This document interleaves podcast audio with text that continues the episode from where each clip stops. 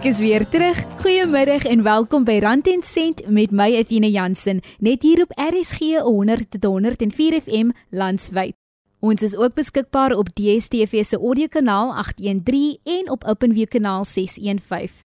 Ek het verlede week genoem dat ons met kenners gaan gesels oor hoe ons ons finansies beter kan bestuur. Ek wil wel hoor hoe jy wat nie noodwendige finansiële agtergrond het nie, jou begroting laat klop. So jy kan in kontak kom op die SMS lyn 45889 of stuur 'n e-pos na athena.jansen6@gmail.com. Dan deel ons jou wenke net hier by Rand en Sent.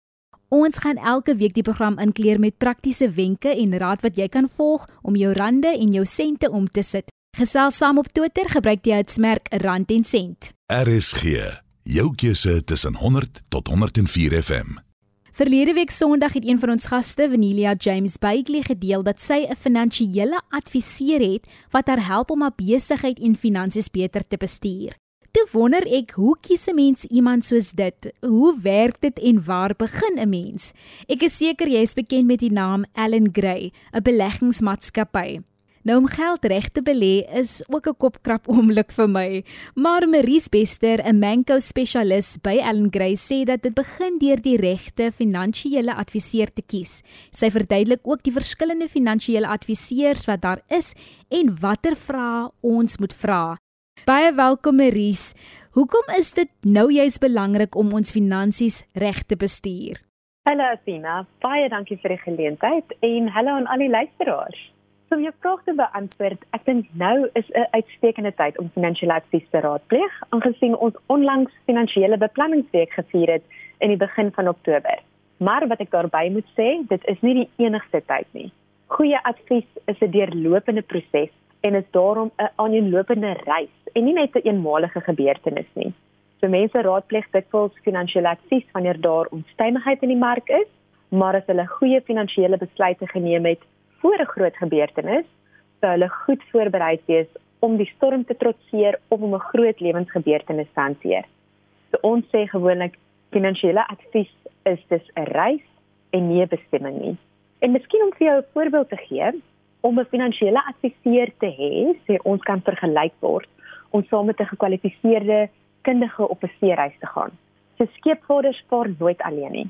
Die vaardige kind van navigasie lei hulle na hulle bestemming en help hulle om stormagtige weertoestande te vermy of om veilig daar uit te kom. Maar soms as jy ook weet, kan ons nie die storms vermy nie, soos ons tydens die COVID-19 pandemie ervaar het, waar finansiële advies dan as 'n reddingspaadjie beskou word wat jou help om kop bo water te hou wanneer dinge anders verloop soos beplan. Maries, hoe kies ons die regte adviseur om ons te help om in die langtermyn te belê? Dis 'n baie goeie vraag. So alhoewel ons almal dalk 'n plan het wat ooreenstem met ons aptyd vir risiko, ons behoeftes, ons beleggingsdoelwitte, is dit dikwels moeilik om daarby te hou. So beleggers maak dikwels slegte besluite as gevolg van al die geraas in die mark en om iemand te hê wat jy vertrou, wat jy aanspreeklik kan hou om by jou finansiële plan te hou kan jou help om hierdie dierfoute te vermy deur om die geraas uit te sny. So adviseer kan dus jou help om nie op jou emosies te reageer nie. En om vir jou 'n voorbeeld te gee, as ons terugkyk na die hoogtepunt van die pandemie, toe markte uiters wisselvallig was gedurende die eerste helfte van 2020, het baie beleggers van wisselvallige hoë risikobates, soos aandele byvoorbeeld, na die veilige hawe van kontant en ander lae risiko opsies beweeg. En dit was 'n baie duur besluit. Gegee dat die mark teen die einde van die jaar herstel het en steeds sterk tekens van herstel toon. So dit is dan waar die regte adviseur lewensveranderende voordele kan lewer, soos om jou te help om sin te maak van ingewikkelde inligting, want deesdae is ons in elk geval so gebombardeer met al die inligting en om jou aan te moedig om toegewy te bly tot jou finansiële doelwitte dit is hier waar 'n adviseur as ons dit in Engels kan sê the voice of reason kan wees so 'n maatjie wat jou hand vashou, maar 'n maatjie wat bietjie beter weet want ek weet niks van finansies af nie. nee, ek jok. Ek dink ek is ook maar iemand wat as daar kundige is of iemand wat my kan beter help verstaan wat wat die somme is, dan is dit natuurlik welkom. Maar ek dink ons weet nie altyd wat om te vra nie. Sommeries, watter vrae moet beleggers aan potensiële finansiële adviseurs vra? Ek wil sê in diepte navorsing hier is die hoeksteen vir die keuse van die regte adviseur. So moenie wegskram om vrae te vra oor hulle kwalifikasies en ondervinding nie en ook wel moontlik hersien hulle tipiese kliëntprofiel. Wie is die kliënte wie hulle gewoonlik diens en vra vir verwysings ook.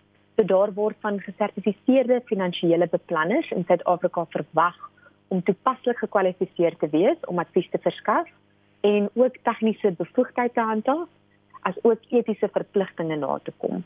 So nog 'n baie belangrike punt om ook in ag te neem is neem jou tyd om te bepaal of die adviseur se waardeproposisie of sy benadering met jou benadering of jou verwagtinge ooreenstem om ook seker te maak dat julle suksesvol kan saamwerk. En dan vra spesifieke vrae soos hoe hulle kliënte se risikoprofiel benader, met ander woorde, hoe kategoriseer hulle kliënte, hoe gereeld hulle met hulle kliënte kommunikeer en hoe hulle jou batetoewysing sal bepaal.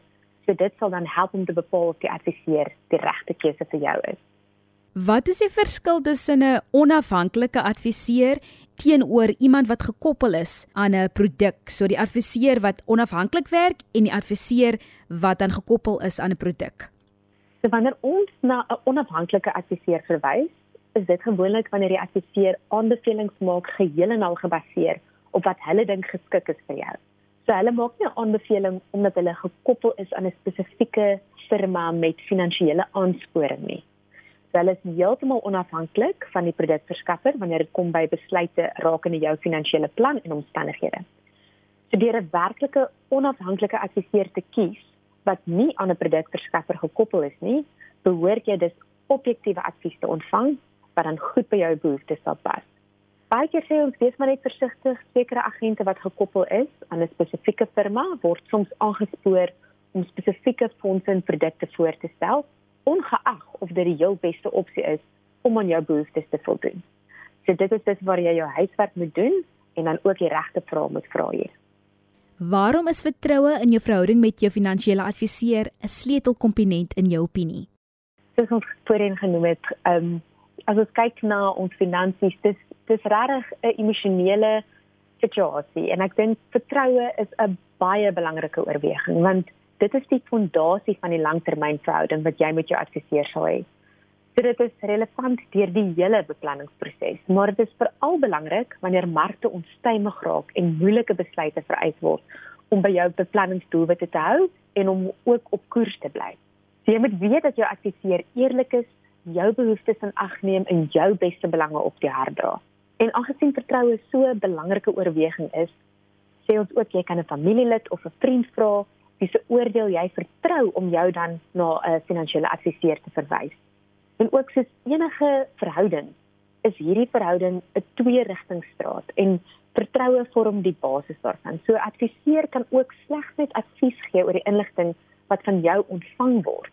So dit is dus ook baie belangrik van jou kant om nie belangrike inligting te weerhou nie deel asseblief met ons 'n paar wenke, dinge wat ons moet weet om die regte finansiële adviseur te kies.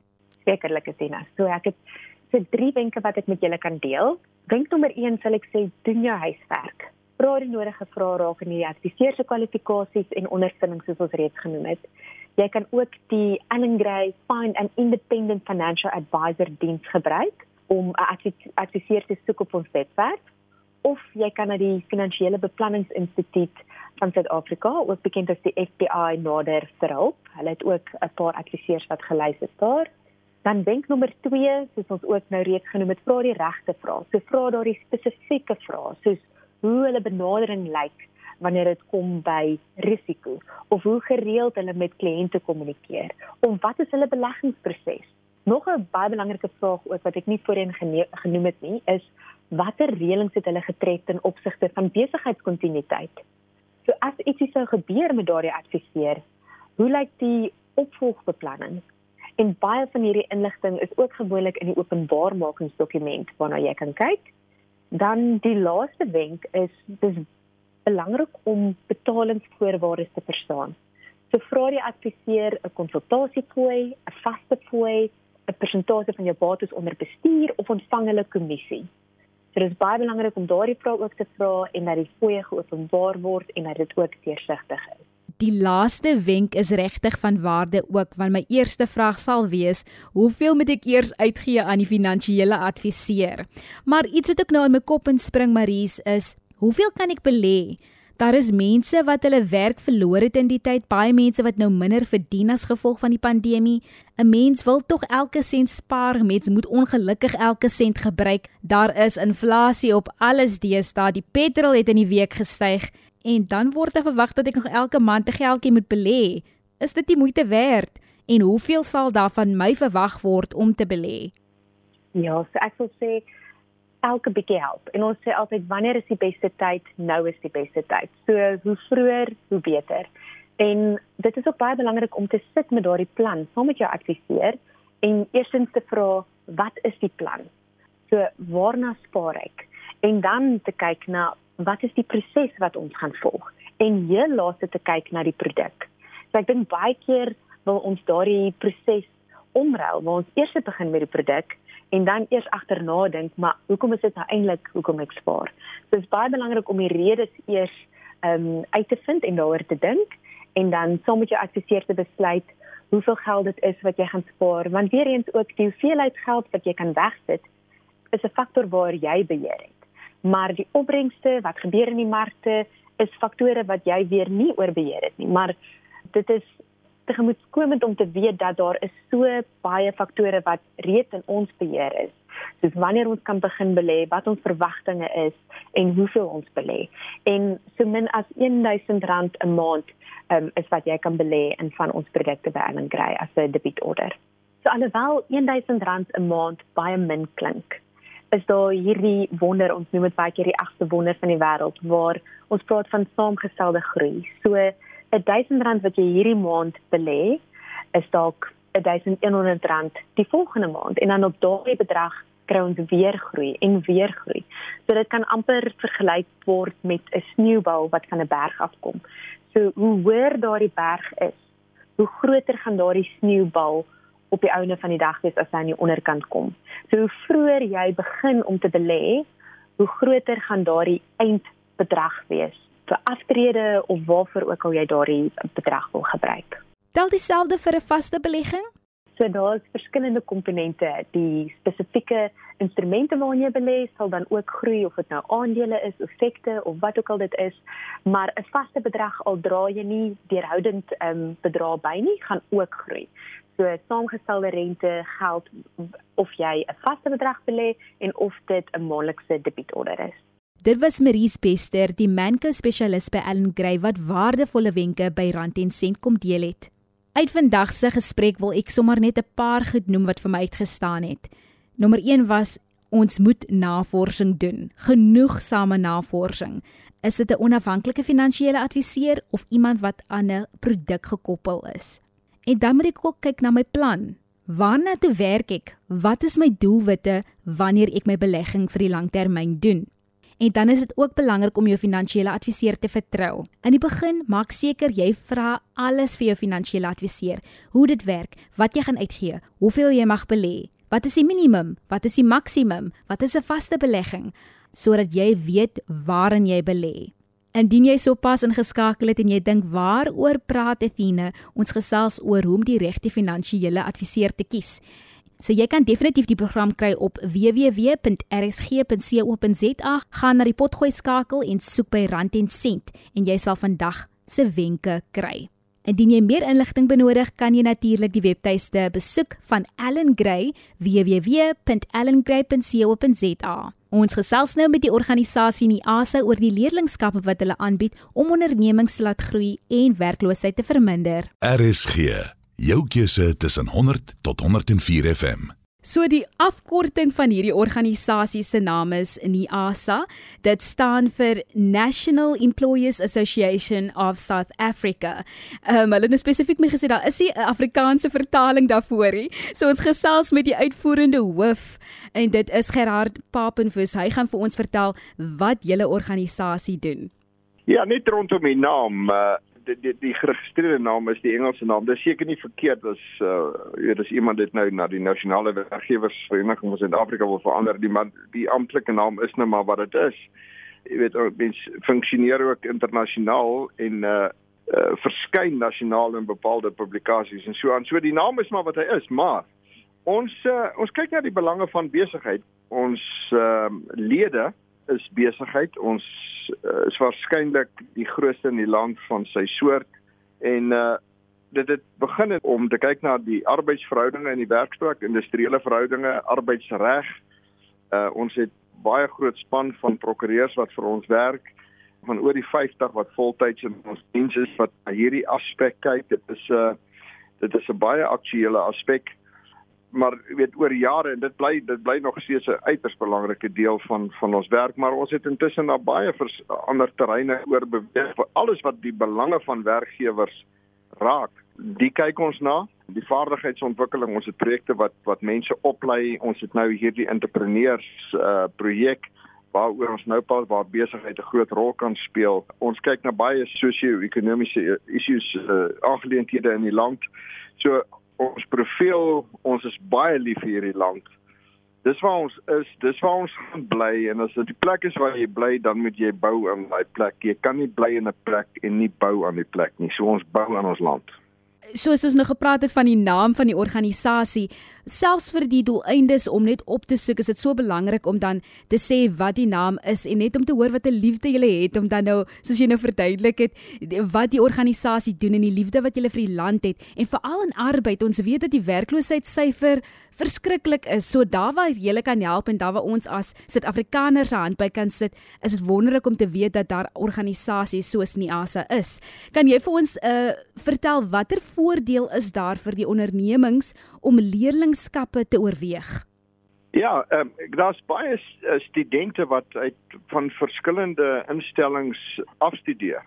En uh maar dit nie werk nie. Die feit is uh uh jeugwerkloosheid tans in Suid-Afrika lê tussen lê in die omgewing van 64%. Nou dit is ek weet dit is 'n ramp aan ontwikkel. Hoe kan jy 64% van jong mense, dis mense met drome wat nie 'n plek het om te werk nie, wat kan nie onafhanklik word nie, wat nie vir homself kan kos koop nie, wat nie vir homself kan tyd koop op sy selfoon nie wat nie kan klere koop nie die die die, die verwagting van 'n vol lewe en die teleurstelling dat dat jy dit nie kan hê nie. Dis die goed wat matelose uh, onrus veroorsaak. So ons ons doen twee goeders hierso. Uh die een is die leerlingskap uh, waaroor ek dan nou wil praat en dit is wat ons mense wat afgestudeer het uh in programme by werkgewers laat werk. Ons gebruik ons werkgewers, die student gaan werk vir daai werkgewer en uh, die werkgewer betaal maar daar betaal maar 'n stipend, dis klein, maar die werknemer leer pas aan in die werksomgewing en leer die praktyk. Maar die mooi hiervan is jy 18 maande by 'n werkgewer op hierdie basis gewerk het en jy het goed gewerk, dan gaan jy waarskynlik daaraan bly en dit is wat ons sien. Die wat goed werk, het daarna 'n permanente werk. Want hier is 'n wonderlike ding vir die werkgewer waar hy kan sê nee maar kyk, jy weet dis dis riskant nou om iemand in diens te neem. As jy iemand in diens neem en dis nie 'n goeie werker nie, dan wil jy nou daai ontslaan en ons weet dis nie so eenvoudig om dit te doen nie. Maar in hierdie projek kan jy die persoon in diens neem, die persoon kry 'n baie klein salaris wat ook reg is. Dis is mos maar as jy 'n pupil is, as jy prokureur wil word, dan kry jy mos maar vir 'n rukkie 'n klein salaris. Maar jy leer, jy leer die werk, jy kry jy kry 'n klein salaris en na 'n periode, as daai projek klaar is en jy het goed gewerk, dan het die werkgewer jou mos nou deurgekyk en dan sê hy vir jou jy moet sommer aanbly. Wonderlike geleentheid.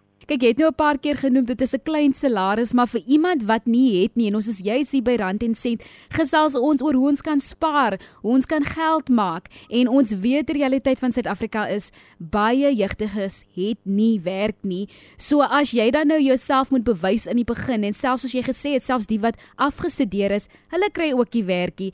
Um dan moet 'n mens maar begin. Jy moet vrywillig wees om hard te werk in die begin en dan kry mense geleentheid soos jy genoem het om dan 'n uh, permanent te werk. Niasa het 'n projek van stapel gestuur om werklose jeugdiges op te lei as entrepreneurs. Kan jy vir ons vertel waaroor gaan dit en hoe kan ondernemings betrokke raak?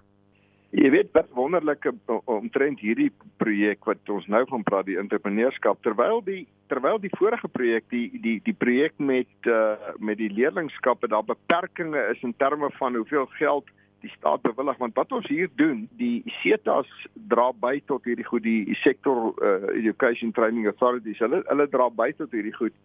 En maar daar's beperkings in getalle.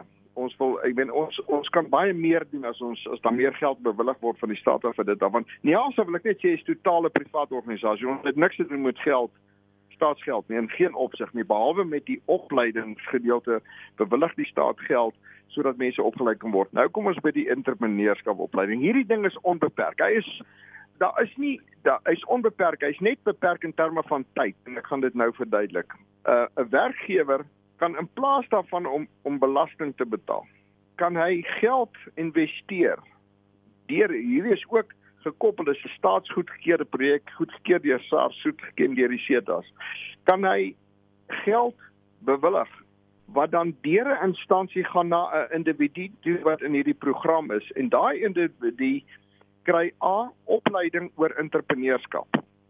En tweedens kry daai individu geld om 'n uh, entrepreneurskap in die praktyk te beoefen vir 'n periode van 1 jaar. Nou as jy as 'n werkgewer op 'n dorp sit, dan kan jy in plaas daarvan om jou belasting aan die einde van jou finansiële jaar aan die ontvanger te betaal, kan jy geld investeer in die individu en jy kan kies dat daai dit 'n individu in jou dorp is. Wat is die vereistes vir die individu om deel te neem? Hy moet wees tussen die ouderdom 18 en 28 jaar oud. Hy moet ten minste standaard 8 hê, graad 10. En hy moet 'n smartphone hê. Toe as dit doen, toe sê ek, maar waar kry 'n man wat nie werk het nie 'n smartphone? Maar ek het uitgevind dat byna almal het smartphones. Dis nou een ding, al het jy nie werk nie, jy het 'n smartphone. Ek het nie geweet nie, maar dit is hoe dit is. Ja. Ek daai ouens het twee. Ek weet nie hoe dit werk nie, ek het net een. Maar ek sê vir jou sê daar's een ding wat mense nie 'n tekort aan het nie en dis smartphones. Nou, hoekom dit? Al jou opleiding geskied op jou smartphone, want jy kry jou lesings daar en jy doen jou eksamens op jou smartphone. So die geld gaan vir 3 dit kos 'n werkgewer R2500 ongeveer. Dit kan 100 of 100 meer of 100 minder wees. Maar uh, dit min of meer 2500 'n maand wat na wat wat vir die uh, in die projek geïnvesteer word. R30000 per jaar. Dit gaan na vir drie komponente. 'n deel daarvan gaan vir die vir die akademiese opleiding in entrepreneurskap. 'n jaar lank word jy onderleg in die basiese beginsels van entrepreneurskap nommer 2 'n deel van die geld word op jou smartphone geplaas waarmee jy kan transaksies aangaan. In ander woorde, jy koop voorraad aan op jou foon en jy gaan koop en verkoop of, of wat ook al watter deel van entrepreneurskap jy ook al doen, maar die in die derde deel is jy kry ook 'n bietjie sakgeld want jy moet daarom nog leef ook. So dis die drie goeders. Maar hier kan 'n werkgewer wat klaar dat hulle mors sy belastinggeld. Hulle mors my belastinggeld. Ons ken daai term ek kan nou sê my my belastinggeld gaan na die omgewing toe waar ek bly in my dorp. En nou kan jy jy hoef nie, maar jy kan nou ook 'n mentor wees vir daai persoon. Jy hoef niks met daai persoon te doen nie, maar jy kan as jy wil sê nee, ek wil een keer 'n maand met jou gesels. Ek wil ek wil jou raad gee. So ons kan ons geld reg spandeer en ons kan mentors wees vir jong mense om hulle 'n goeie begin in die lewe te gee. Weet jy toe jy eers belasting genoem het, dis ek al klaar my oë staan al klaar groot en my ore is te oop om te luister wat jy te sê het um rondom dit. Maar die projek self, dit is wonderlik Gerard. Ek wil amper nou onmiddellik vir jou vra hoe raak 'n jong mens betrokke? Wat gebeur? Wat is die stappe wat ons moet neem om deel van hierdie projek te kan raak? Iemand moet net 'n e-mail vir ons skryf en sê entrepreneursprojek en dan gee hy vir ons sy ID-nommer, sy naam en 'n kontaknommer. En as hy e-mail het dan is dit ook goed. Info@neasa n e a s a. Info@neasa.co.za en ons sal sorg dat daai naam op die lys kom. Nou wat is die beperking op hierdie ding? Jy moet van werkgewers geld kry. Daar's 'n waglys en hoe meer vinniger werkgewers in hierdie projek betrokke raak hoe vinniger kan ons kan ons hierdie ding laat draai. Dis die beperking. Jy het hier 'n geleentheid sê ek vir 'n werkgewer. Die mense vir wie ek beklei plaas daarvan dat jy jou belasting betaal op goed wat jy nie geen beheer het nie. Betaal dit in jou omgewing. Bring verandering in jou dorp. Leer mense want weet jy wat met 64% werkloosheid gaan ons nie mense in die werkplek kry nie. Maar ons gaan dit kan van hulle entrepreneurs maak. Die informele sektor is 91 miljard rand sterk in Suid-Afrika. 91 miljard. Koop en verkoop, doen goeders. Een ou het gespaar en vir hom 'n swysmasjien gekoop. Hy maak vensters.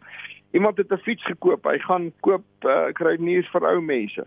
En weet jy as jy dit doen, kan jy net dink, mense dink maar dis klein. Dit is waar besigheid begin. Besigheid begin. Groot besighede begin in garages. Besighede begin met iets baie klein en hy groei. Dis waar jy begin. Entrepreneurs kyk na groot geld wat jou pa maak en maar dit is vernietigend. Hierdie is die antwoord. Entrepreneurskap is die antwoord vir 64% van Suid-Afrika se jong mense. Hier is 'n geleentheid, maar besigheid moet betrokke raak. Ons kan 'n groot verskil maak in die land. Entrepreneurskap is die toekoms, dit is die antwoord en ons is op 'n punt wat ons oplossings moet vind. Ons kan nie meer kla nie en julle bring definitief die oplossing. Gerard, baie dankie vir wat julle doen daar by Niasa en ek sien uit ek gaan definitief vir die luisteraars al die besonderhede deurgee om weer met jou in die toekoms te praat oor hoe ons kan spaar en watter ander projekte julle ook doen. Uh, weer eens baie dankie vir jou tyd vanmiddag. Ek waardeer uh, dit was vir my baie kosbaar en ek sê baie dankie vir jou. Dit was die uitvoerende hoof by Niasa, Gerard Papenfus. Indien jy meer inligting benodig of aansoek wil doen vir die leerlingskap of entrepreneursprojek, dan kan jy hulle webtuiste besoek op niasa, ek spel dit N E A S A.co.za.